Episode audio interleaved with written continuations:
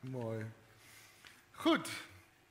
Nou ja, zoals ik net zei, is uh, uh, van de week uh, Lara, haar oma, overleden. En, en misschien kennen sommigen jullie haar nog, want ze was echt een Nazarene van het, ja, ik zou zeggen van het eerste uur, maar ik heb even de jaargetallen vergeleken. Dus ze was een beetje Nazarene van het de tweede half uur van het eerste uur. Uh, um, en, en, en, en, en, ze werd inderdaad 101. En afgelopen jaar, toen ze 100 werd, uh, was corona. En hebben veel van jullie naar de oproep van Laar nog kaartjes gestuurd aan haar en zo. Supermooi.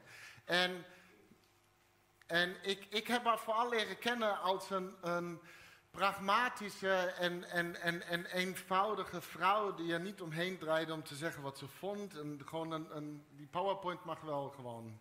Uh, um, uh, ze was gewoon een ongecompliceerd mens met een, een, een ongecompliceerd geloof. En ik heb haar dus ook leren kennen als een toegewijde en trouwe gelovige. En nu moet je, dit is een vrouw die 1921 is geboren. Dus de, de, de Tweede Wereldoorlog echt mee heeft gemaakt, heel bewust. Onderduikers in de achterhoek op de boerderij en alles. En uh, echt een heel bijzonder levensverhaal en ook weer ja, apart. En, en ik, ik vond het altijd spannend, want dan komt haar kleindochter aangelopen met een Duitser. Ja, ja, nee, echt. Yes. En ik echt stik zenuwachtig een keer toen we daar... Ik, sprak nog geen Nederlands, dus ik zat allemaal daar te knikken en Lara een beetje te vertalen soms. En ik had één zin had ik geleerd. Hier zit dus een oudere mevrouw in de tachtig voor me en ik had die ene zin geleerd. En vol trots flap ik daaruit, hoe gaat het met je? en ze kijkt me aan en dacht, oh... Lara heeft een kikkende ribben. Ja, wist ik veel wat u is. Ja, uh, raar dingen. Als je iemand kent in Duitsland, dan zeg je gewoon ja. Maar hier is blijkbaar, nee, we blijven afstand altijd. Respect, whatever. Um, maar goed, een heel bijzondere vrouw, een trouwe gelovige. Lara vertelde me van de week dat ze in, in Lara woonde een aantal jaren bij haar in Rotterdam tijdens uh, Lara haar studie. En uh, dat ze elke keer hoorde ze haar oma al in de woonkamer, zeg maar, een soort van uh, mompelen en praten. Uh, en daar zat ze dan dus met zo'n, wat zei je, een gebedsboekje van Open Doors. Hè? Zat ze te, te, bidden elke dag en de kleinkinderen en kinderen en de kerk van Nazarene en iedereen kwam langs. Gewoon een bijzondere vrouw met een trouw, eenvoudig geloof. En deze preek vandaag zie ik dan dus ook een beetje als een dus aan een eerbetoon aan Christina Berger, een vrouw die het geloof 101 jaar wist te behouden. Of ja, kwam waarschijnlijk iets later tot geloof nieuw aan. En, en met name ook de kern ervan. De kern van dat geloof. Op een gegeven moment ken je dat, dan ken je de kern en dan, dan drijf je een beetje weg en dan ga je allerlei bijgerechten bezighouden en dat moet dan de maaltijd worden en het voedsel van de Heer.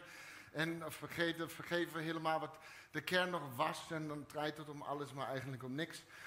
Dus vandaag dan een pragmatische en ongecompliceerde boodschap aan, aan, als eerbetoon aan Oma Bergen. En vooral aan haar Heer, aan Jezus. En het is een verhaal dat ik vaker met jullie heb gedeeld. Um, uh, en de strekking van dit verhaal is ook iets wat je me altijd weer hoort uh, uh, verkondigen. Het gaat over Jezus. Tadaa. Ik, ik hou van Jezus. En, en als er iets is wat ik je altijd weer heb geprobeerd om te doen, dan is het om ons te helpen om te leven in, in een authentieke liefdesrelatie met Jezus.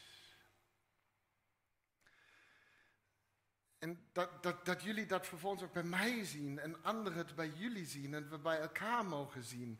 En, en, en het is gewoon niet alleen de tijdsgeest, maar het is al duizenden jaren de tijdsgeest dat predikant, eh, kerken houden ervan om, om, om te praten over hun voorgangers. Net zoals voetbalteams houden ervan om over de coach te praten. Als het team niet scoort, wordt de coach ontslagen. Kerken, we, praten gewoon graag over onze predikanten en we hebben allemaal zo onze beelden bij. Um, maar alles, ik hoop dat dat duidelijk mag zijn, alles wat ik doe en zeg. En we hebben allemaal zo onze. Ik, ik krijg heel veel intenties aangepraat door jullie, maar dat wordt met elkaar, nooit met mij. En, en, en alles wat ik doe en zeg is, en ik hoop dat jullie dat mogen weten, zodat we onszelf begrijpen als een uitbarsting van, van Gods intentie voor het leven en, en Gods liefde voor deze wereld. Als je daar in je praatjes niet uitkomt, dan schiet je de verkeerde kant op. Dat kan je gewoon nu al zeggen. Dus laten we, laten we samen het verhaal lezen dat mij in ieder geval altijd weer helpt. En uitdaagt in, in mijn doen en zijn als, als mens en als vogeling van Jezus en, en als, als, als kind van God. En alle drie zijn hetzelfde. We gaan lezen samen het bekende verhaal van de roeping van een aantal discipelen in Lucas 5. Vanaf vers 1. Toen hij, Jezus, hè, toen Jezus eens aan de oever van het meer van Genezareth stond en het volk zich om hem verdrong om naar het woord van God te luisteren, zag hij twee boten aan de oever van het meer liggen. En de vissers waren er uitgestapt, ze waren bezig de netten te spoelen. En Jezus stapte in een van de boten die van Simon was, dat wordt later Petrus, en vroeg hem een eindje van het land weg te varen. Hij ging zitten en gaf de menigte onderricht vanuit de boot. En toen hij was opgehouden met spreken, zei hij tegen Simon, vaar naar diepwater en gooi jullie netten uit om vis te vangen. En Simon antwoordde, meester, de hele nacht hebben we ons ingespannen en niets gevangen. Maar als u het zegt, zal ik de netten uitwerpen. En toen ze dat gedaan hadden, zwom er zo'n enorme school vissen in de netten dat die dreigden te scheuren. Ze gebaarden naar de, naar de man in de andere boot dat die hen moest komen helpen. En nadat deze bij waren gekomen, vulden ze de beide boten met zoveel vis dat ze bijna zonken. En toen Simon Petrus dat zag, viel hij op zijn knieën voor Jezus neer en zei, ga weg van mij Heer, want ik ben een zondige mens. En hij was verbijsterd, net als allen die bij hem waren, over de enorme hoeveelheid vis die ze gevangen hadden. Zo verging het ook Jacobus en Johannes, de zonen van Zebedeus, die met Simon samenwerkten. En Jezus zei tegen Simon, wees niet bang, voortaan zul je mensen vangen. En nadat ze de boten aan land hadden gebracht, lieten ze alles achter en volgden hem. Een bekend verhaal heb je vaker van mij gehoord, de strekking van dit verhaal, vaker gehoord. Maar in, het licht van deze dag wil ik ons hier gewoon nog een keer aan herinneren. Dus wat we hier zien is, Jezus ontmoet hier drie jongens die straks zijn boodschap naar de hele wereld uh, zouden brengen. En, en, en Jezus werd gevolgd door grote menigtes die verlangden naar zijn onderwijs. En, en wat een krachtig feit is dit. Hè? En het volk zich om hem verdrong om naar het woord van God te luisteren. Vrijwillig. Ze kwamen bij elkaar om te luisteren naar mensen, hunkerden naar het woord van God. Ze verlangden naar deze bevrijdende en liefdevolle waarheid dat iedereen een kind van God is. Ze dorsten naar levend water, zoals de Samaritaanse vrouwen voor hun, dus voor hun uitgedroogde zielen. Dus Jezus had deze enorme aantrekkingskracht, eh, omdat zijn boodschap zo radicaal anders was. Daarvoor heeft hij ook de prijs betaald. Daarvoor betalen mensen altijd de prijs die een radicale boodschap hebben. En dan is er ook weer verwarring, want mensen hebben soms ook gewoon een onzinboodschap, maar verdedigen het met het is zo'n radicaal andere boodschap. Dat klopt wel. Maar het is gewoon raar. Maar Jezus had een radicaal, daarom is de verwarring zo groot. Kennen we dat? Snappen jullie wat ik bedoel? Als je nu verward bent, snap je wat ik bedoel. Dat is ons probleem in deze tijd. Mensen kunnen de gekste dingen doen, de domste dingen doen. Zeggen, ja, maar het is gewoon een radicaal andere boodschap. Ja, ik snap dat jij het niet begrijpt. Dan zo'n gnostisch excuus, ik weet wat wat jij niet weet. Maar goed, deze aantrekkingskracht, omdat Jezus zijn boodschap was radicaal anders. En ik geloof dat deze aantrekkingskracht van Jezus vandaag nog steeds nog, nog net zo krachtig is, omdat de boodschap weer zo radicaal anders is. We leven inmiddels in een tijd waar we zo'n gek iets van hebben gemaakt dat de boodschap van Jezus weer radicaal anders is. En ik noem straks een paar voorbeelden. Radicaal anders. Hoe bedoel je liefde? Oog om oog, onzin. Als je kijkt naar deze wereld, sorry, dat wordt een lange preek, want ik merk het nu al.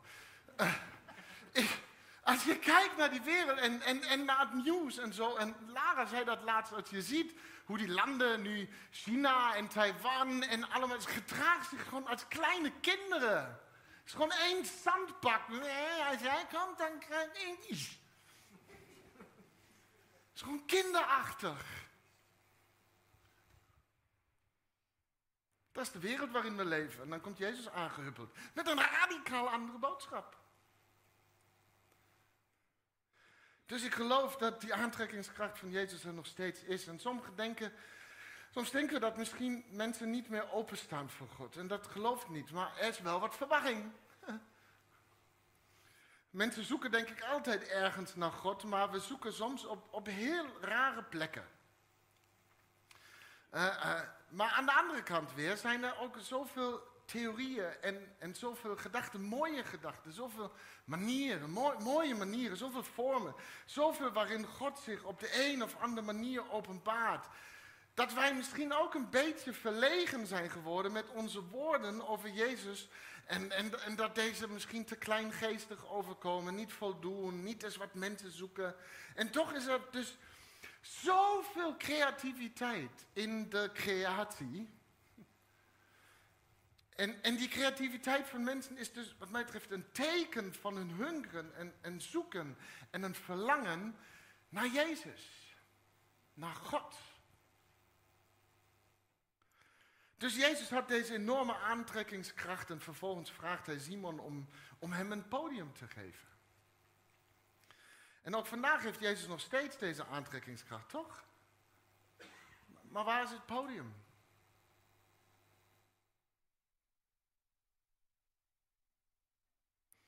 Jezus is prachtig, de boodschap vol van, van hoop en zekerheid. God benadert iedereen in liefde. Is, is vrijheid, vergeving, perspectief. En, en, als mensen dat zouden weten, dan zouden ze naar hem toe rennen in massa's. Dus soms vraag ik me af, waar is Jezus zijn, zijn podium?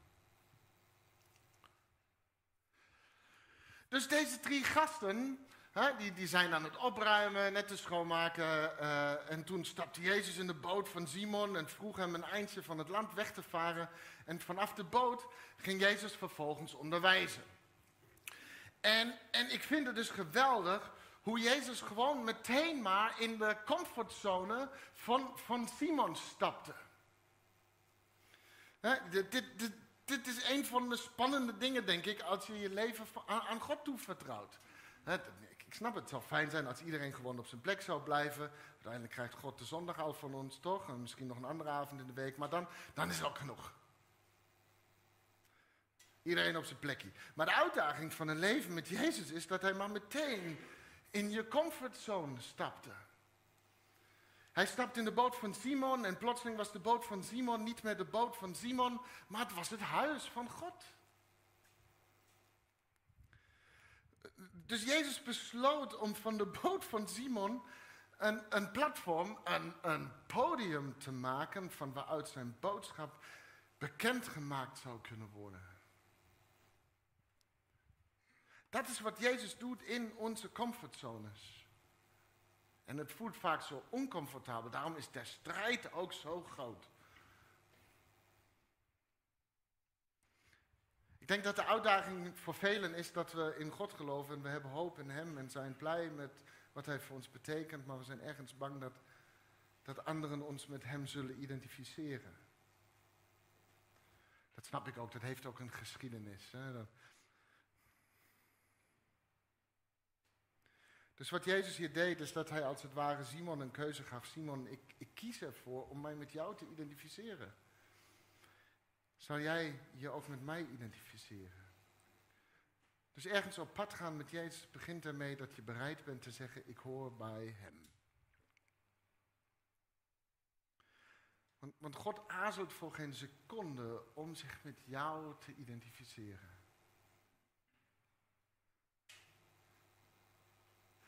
Dus dat is nog wat, hè? God identificeert zich met jou. En zegt, dit is mijn kind. Tada, heb ik gemaakt. Hij representeert, of zij representeert als het ware een stuk van mij. Dat is toch wat? Het is niet die vader waar iedereen als komt, oh is dat jouw zoon? Mm, nee. nee, die bestaan niet. Bestaan die vaders? Ja.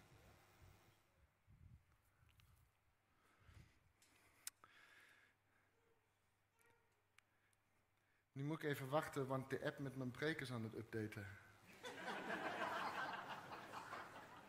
Wat? Uh... Het is me nog nooit gebeurd. Nou.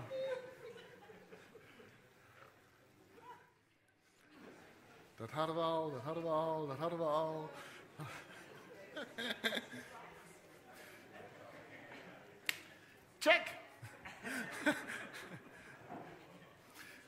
Dit is echt, dit is een historisch moment. Echt waar.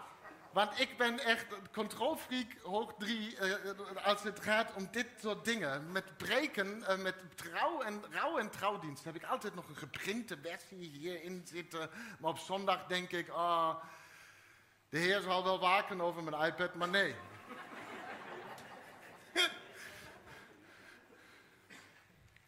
God aarzelt voor geen seconde om zich met jou te identificeren. Maar soms lijken jij en ik misschien degene die soms een beetje terughoudend zijn. Dus Jezus stapte in de boot van Simon. En dan is er deze vraag om een eindje van het land weg te varen. Dus als de boot te dicht bij het land zou zijn, hè, dan zou het water de stem van Jezus niet voldoende dragen en versterken. Maar als de boot te ver van het land zou zijn, dan zou niemand hem meer horen spreken. Dus Jezus vroeg aan Simon om de boot op een plaats op het meer te brengen waar het het meeste effect zou hebben om gehoord te worden door de meeste mensen in het leven van Simon. Ja, snap hem? Dit zijn de mensen in het leven van Simon, niet de mensen in het leven van Jezus. Het waren de mensen in het leven van Simon. Hij werkte daar, hij leefde daar, ze kenden Simon. En deze mensen wisten ook dat Jacobus en Johannes de zonen van Zebedeus waren. Ze kenden hun families, ze kenden hun verhalen. En, nu staat Jezus te midden van hun levens en, en hun verhalen. En Jezus vraagt aan Simon, ik wil dat je mij daar brengt waar ik gehoord zou kunnen worden door de meeste mensen in jouw leven in jouw leven. Heb je hier ooit over nagedacht? Ik niet hoor, ik, soms echt niet. Heb je ooit over nagedacht wat, wat we zouden kunnen doen zodat Jezus door de meeste mensen in ons leven gehoord zou kunnen worden? En Rick stuurde toevallig een mooi artikel van de week. Eén ding is het niet, en dat is gewoon heel heilige plaatjes op Facebook zetten. Daar is onderzoek naar gedaan en het bewerkt gewoon niks.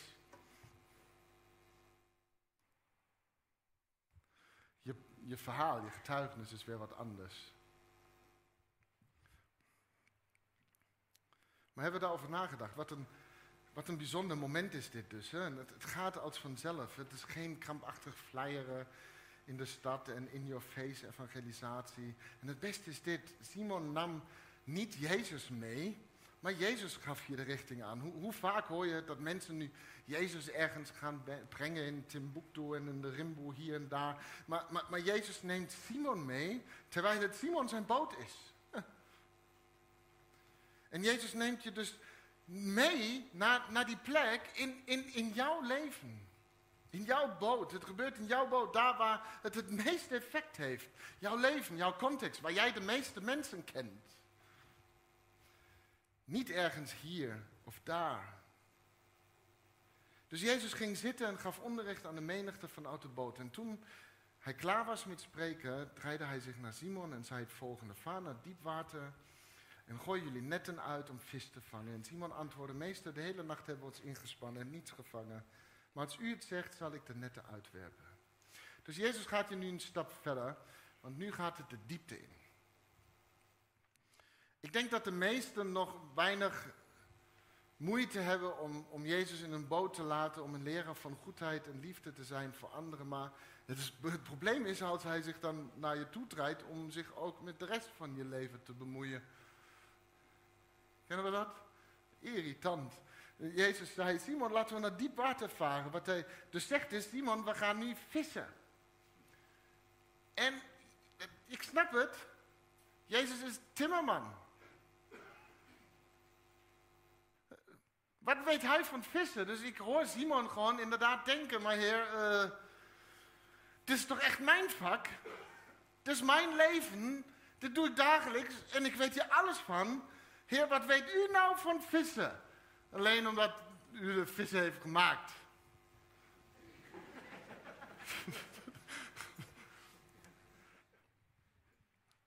Heer, u weet heel, wel heel veel van onderwijs geven en zo. En een, tafel in elkaar timmeren. Maar dit leven als visser.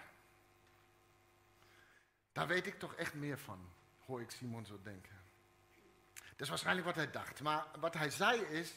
Oké, heer, maar als u het zegt.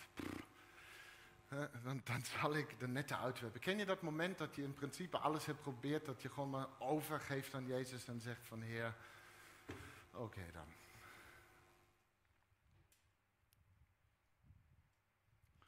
Velen geloven dat Jezus echt geweldig presteert in de heilige momenten op zondag. Dat is fijn, hadden we even nodig. Maar Heer, op maandag, het is heel, echt heel erg andere koek. Het is mijn wereld. En u bent maar timmerman. Het is echt nogal een stap om te geloven dat Jezus ook op maandag voor ons kan betekenen wat nodig is. Heb je een keer bij jezelf zo'n soort van zelfonderzoek gedaan wanneer de euforie van zondag en de zegen ophoudt tussen zondag en maandag? Of, dinsdag, sommigen redden dinsdag nog. Maar weet je, als we met Jezus de diepte in willen, dan moeten we een nieuwe houding aannemen waarin we zeggen, ik hoor bij Hem. En Jezus, waar ik ook ben, ik zal me identificeren met U. En ik zie wel hoe het balletje rolt. Dus Jezus wil niet alleen deel zijn van de momenten dat we ervoor kiezen gelovig te zijn, maar Jezus wil deel zijn van ons leven. En Jezus weet alles over hoe het leven te leven, want Hij is de God die het leven heeft gegeven. En nog sterker, Hij is de God die biljoenen van levens ervaring heeft opgedaan. Biljoenen van levens nieuw woord, ervaring heeft opgedaan in het nu en het heden. Want hij leefde met hen allemaal mee.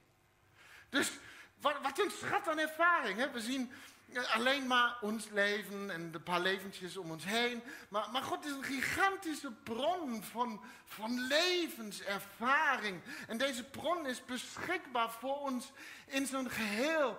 Om, om uit te putten, noem het maar de wolk van getuigen of welk bijbel dingetje je eraan vast wil.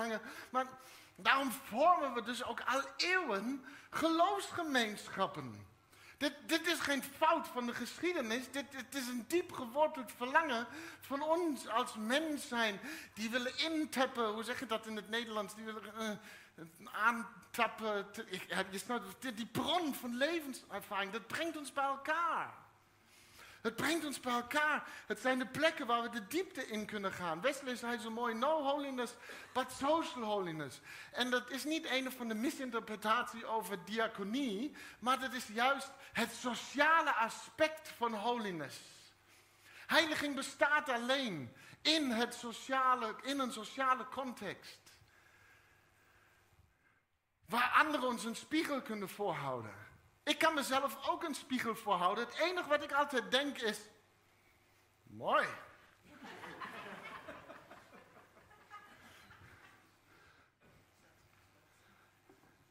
maar als iemand anders mijn spiegel voorhoudt, ik zeg altijd, dan mooi, maar tegelijkertijd.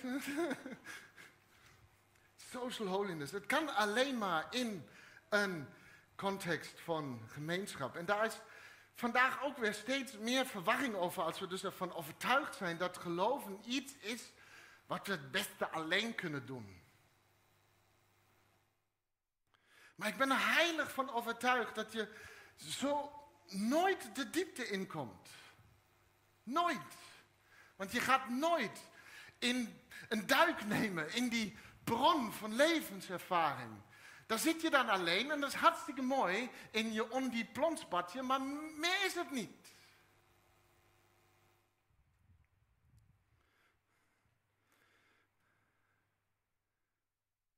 De diepte ingaan, de bron, een gigantische zee van levenswijsheid en ervaringen, kun je alleen aanspreken. Kun je niet alleen aanspreken in, in een blonsbadje. En ik snap het, ze houden van controle en het is duidelijk. Ze hoeven ook niet te zeggen, maar Heer, als u iets zegt. Want er is niemand die iets zegt. Dan ben jij alleen in je perfecte kerk. En je kijkt elke keer in de spiegel in je kerk en je denkt, mooi. Maar dit is de shizzle, jongens. Dit is de uitdaging hier. Is pas, pas leven. Al die levenservaringen, verschillende inzichten, en die irritante mensen. En ja, je weet dat van elkaar, hè? dat iedereen hier is voor iemand anders hier gewoon een nachtmerrie. En toch houden we het uit met elkaar. Want dat is een hoger doel dan ons blonsbadje. Het is best makkelijk dus om God te vertrouwen als jij dat, dat, zien we in dat verhaal ook. Dus het is best makkelijk om God te vertrouwen als hij met je eens is. Maar het is best moeilijk om God te vertrouwen als hij het niet met je eens is. Dat kennen we. En de uitdaging is dan om te kunnen zeggen, maar als u het zegt, Heer, zal ik het doen. Ik vertrouw met heel mijn leven. En dan hebben we gelezen, en toen ze dat gedaan hadden, zwom er zo'n enorme school vissen in de netten dat die dreigden te scheuren. Ze gebaarden naar de mannen in de andere boot, dat die hen moesten komen helpen nadat ze deze Nadat deze bij hen waren gekomen, vulden ze de beide boten met zoveel vis dat ze bijna zonken. En dit is gewoon een best mooi en heftig moment in het verhaal. Uh, in, in, in, in, kinderlijke manier van interpretatie is altijd prijs. De Heer heeft zoveel vis gegeven. Wat we ons niet realiseren is dat Jezus ervoor heeft gezorgd dat ze bijna waren verzopen. Nee, dat bedoel ik serieus. Dat, die zaten daar niet, uh, how great is God. Nee. Ze kak, we hebben een probleem. En dan hebben ze dus de anderen erbij gehaald. Hè? Want we lezen dus in dit verhaal, sommige woorden springen uit als dreigden en, en, en bijna. En, en, en de bedreiging hè, om bijna te zinken. Maar het is juist in die momenten van dreigden en bijna dat, dat we leren te vertrouwen op God, toch? Dan gaat het ons wat makkelijker af om te zeggen, maar Heer, als u het zegt. En er gebeurt iets goddelijks in deze momenten van dreigden en bijna. En, en natuurlijk, een, een, natuurlijke respons zou zijn om natuurlijk uh, in deze momenten van dreigden en bijna veiligheid zoeken, jezelf redden, overleven. Uh, maar als Jezus in de boot zit, krijgen we dus de ruimte om het anders te doen. Ze gebaarden, hebben gelezen, naar de mannen in de andere boot, dat die hen moesten komen helpen. Dus juist in de momenten van dreigten en bijna mogen we delen. En het lijkt zozeer een hulpvraag, maar uiteindelijk delen we uit wat ons in overvloed is gegeven. Enorm verwarrend.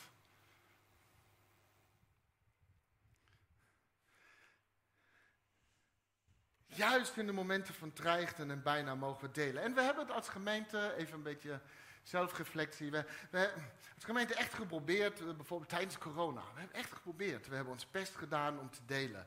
Uh, we hebben ons best gedaan om te getuigen van ons vertrouwen in God. We, deden het echt uh, best goed. Maar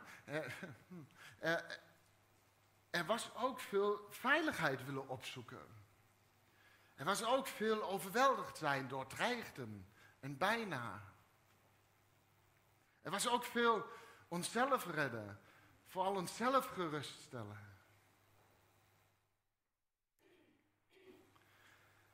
En dan denk ik, meestal leven dus blijkbaar onze levens in lege boten, omdat we bang zijn dat Jezus ons meeneemt naar een plek waar we dreigen te zinken. En, en uiteindelijk vangt niemand iets. Maar hier is dus waarom Jezus hen te veel vis liet vangen, zodat zij andere lege boten erbij konden roepen. En hun boten ook konden vullen met datgene wat Jezus wil geven. En het gebeurt te midden van dreigten en bijna. Het gebeurt te midden van onze eigen crisis. En als een kerk dus vandaag dreigt te zinken, dan is het misschien omdat ze te veel vis in haar boot heeft en het niet uitdeelt. Als de kerk dreigt te zinken, dan is het omdat ze misschien vet is geworden van al die liefde die we, die we hier willen houden. En als God jou in overvloed tegemoet komt, in jouw crisis, jouw storm, jouw woestijn, jouw strijd, dan hoor je waarschijnlijk andere lege boten erbij te roepen. Want God geeft jou in overvloed in je leven, dat, zodat anderen om je heen ook vertwijfeld nodig hebben om te ontvangen, dus ook van jou. Dus daar, en daar is ook weer wat verwarring over, want voor sommigen is het dus ook nooit genoeg. Ja, ik kan niks uitdelen, dat is nooit genoeg. Maar als je de God leert kennen die gul geeft, zal je of zinken of gul moeten geven van de liefde die je hebt ontvangen. De genade, de, vergeving, de compassie van het leven in en met Hem. Het zijn deze momenten waar we een bewijs worden, waar we een bewijs worden van Gods bestaan in deze wereld. Want iemand die gul geeft in crisis is een bovennatuurlijk verschijnsel in deze tijd. Het zijn deze momenten die dus een podium voor Jezus creëren in deze wereld. En als we het nieuws volgen, dan zien we allerlei bewijzen dat de, de, de vijand zich laat zien. Want hij weet dat zijn tijd krap is. Uh, krap is. Het zijn als het ware de stuiptrekken van het kwaad. de, de, tegenstander weet dat hij een gevecht strijdt, dat, dat hij niet kan winnen. Hij weet dat hij niet op kan tegen de kinderen van God. De vijand is jaloers, want wij hebben het vuur van God in ons. En wij, hebben het licht van God in ons en hij komt dus met angst en verdeling en chaos en politici en voelt constant, uh, constant voelt het als dreigden en bijna. En daarom hebben we dus ook al die rotzooi in de wereld. Dus de vijand probeert ons af te leiden, want zijn tijd is beperkt. We zien alleen nog maar dreigden en bijna, maar de vijand weet nog niet dat hij dat heeft mijn oma een keer verteld. Vroeger toen ze kippen gingen slachten, ken je dat? Een kip aan de hoofd en woe, woe, woe. En dan ging het kip zo en de hoofd was nog hier. En dan ging dat kip een beetje rondrennen. Want het wist nog niet dat het dood was.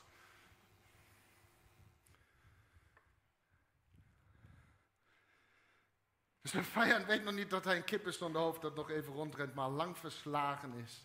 Daar, of all places, verslagen aan de shit die ze zelf hebben verzonnen. Waarvan het kwaad dacht, dit is het. Hiermee halen we het.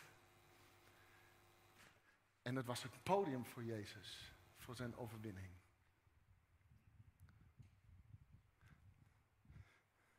Dus laten we dan niet alleen in angst nassen van de onze openbare liefde, onze tijd uitzitten en verzinken en dagdromen over de hemel. Maar een bewijs zijn voor de wereld dat God ook bestaat. En dat liefde werkelijkheid is, een, een hoop en realiteit.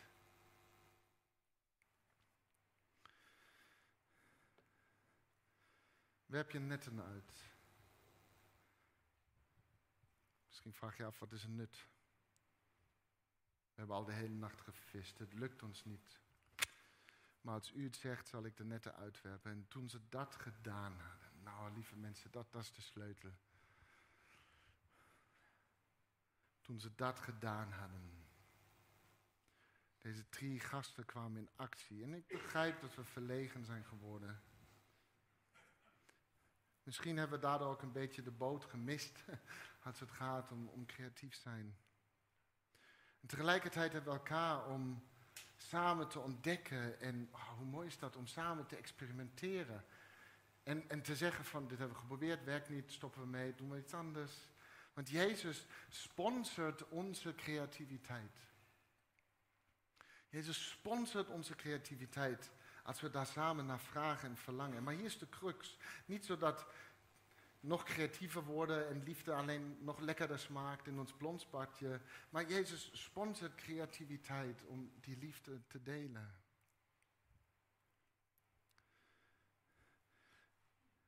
Weet je, ik kan wel blijven zeggen dat ik niet zo goed ben in bijvoorbeeld over mijn geloof praten, om te bidden voor iemand, om als Jezus te zijn voor een ander. Maar met de woorden van Ted Lasso, wie de serie kent.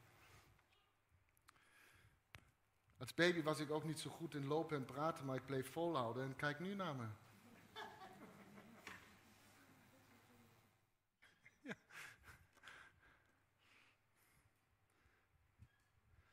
Daarom zijn we hier.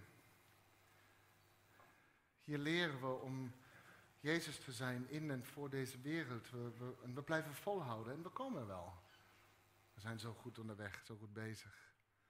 Zo vaak wachten we in het ondiepe water om God, op God om onze netten te vullen en vragen ons dan af waarom het nog niet is gebeurd. En er maar twee zielige visjes in zwemmen en dan troosten we ons snel met het wonder van de vermenigvuldiging. Maar juist daar zien we discipelen ook, hè, die niet veel hadden. Het waren maar twee visjes en vijf broden. En ze bleven uitdelen terwijl ze wisten dat het niet genoeg was. Want het is ook nooit genoeg.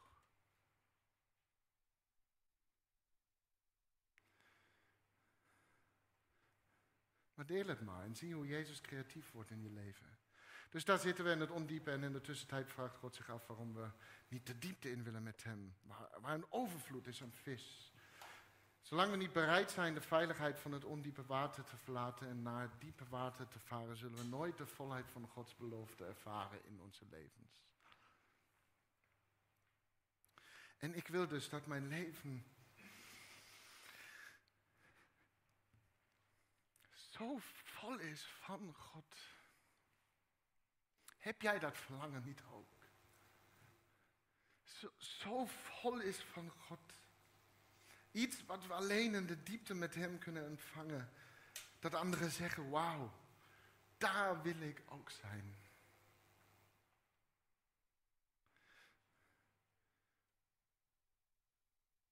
Oma Berg zou zeggen, volgens mij niet zo gecompliceerd.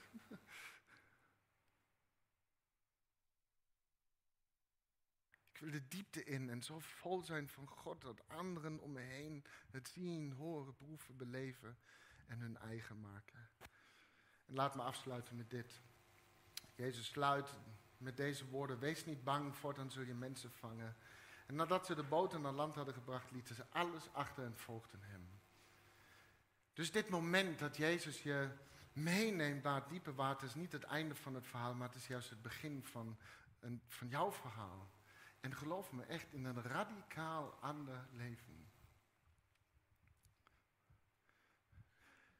En Jezus zei tegen deze drie jonge mannen als het ware, dus gisteren kon je nog niet eens vissen en nu gaan we samen de geschiedenis veranderen.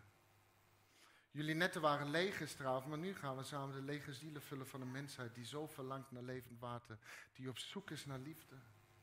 Vanochtend kwam je thuis als een mislukking, maar wij gaan nu samen hoop brengen aan deze wereld. Delen van wat nooit genoeg is. Wij zijn het, het beste bewijs dat God bestaat. Ik weet jullie, ik moet zeggen wij Nederlanders, maar dan bedoel ik jullie. We hebben moeite met complimenten. We hebben heel erg moeite met complimenten, zo'n zo foute bescheidenheid altijd. Maar even alles tezijde, je bent gewoon geweldig. Je bent gewoon het beste bewijs dat God bestaat. Deze gemeente heeft een liefdevolle ethos, verwelkomende ethos, ruimtegevende ethos. Dat is gewoon wie wij zijn. En we worden daar steeds beter in. Dus die wereld moet jou dan ook gewoon leren kennen. Omdat ze Hem mogen leren kennen. Dus laten we volhouden. We worden er steeds beter in. Laat je maar meenemen door Jezus. Deel liefde uit en volg Hem. Het is niet zo compliceerd. Amen.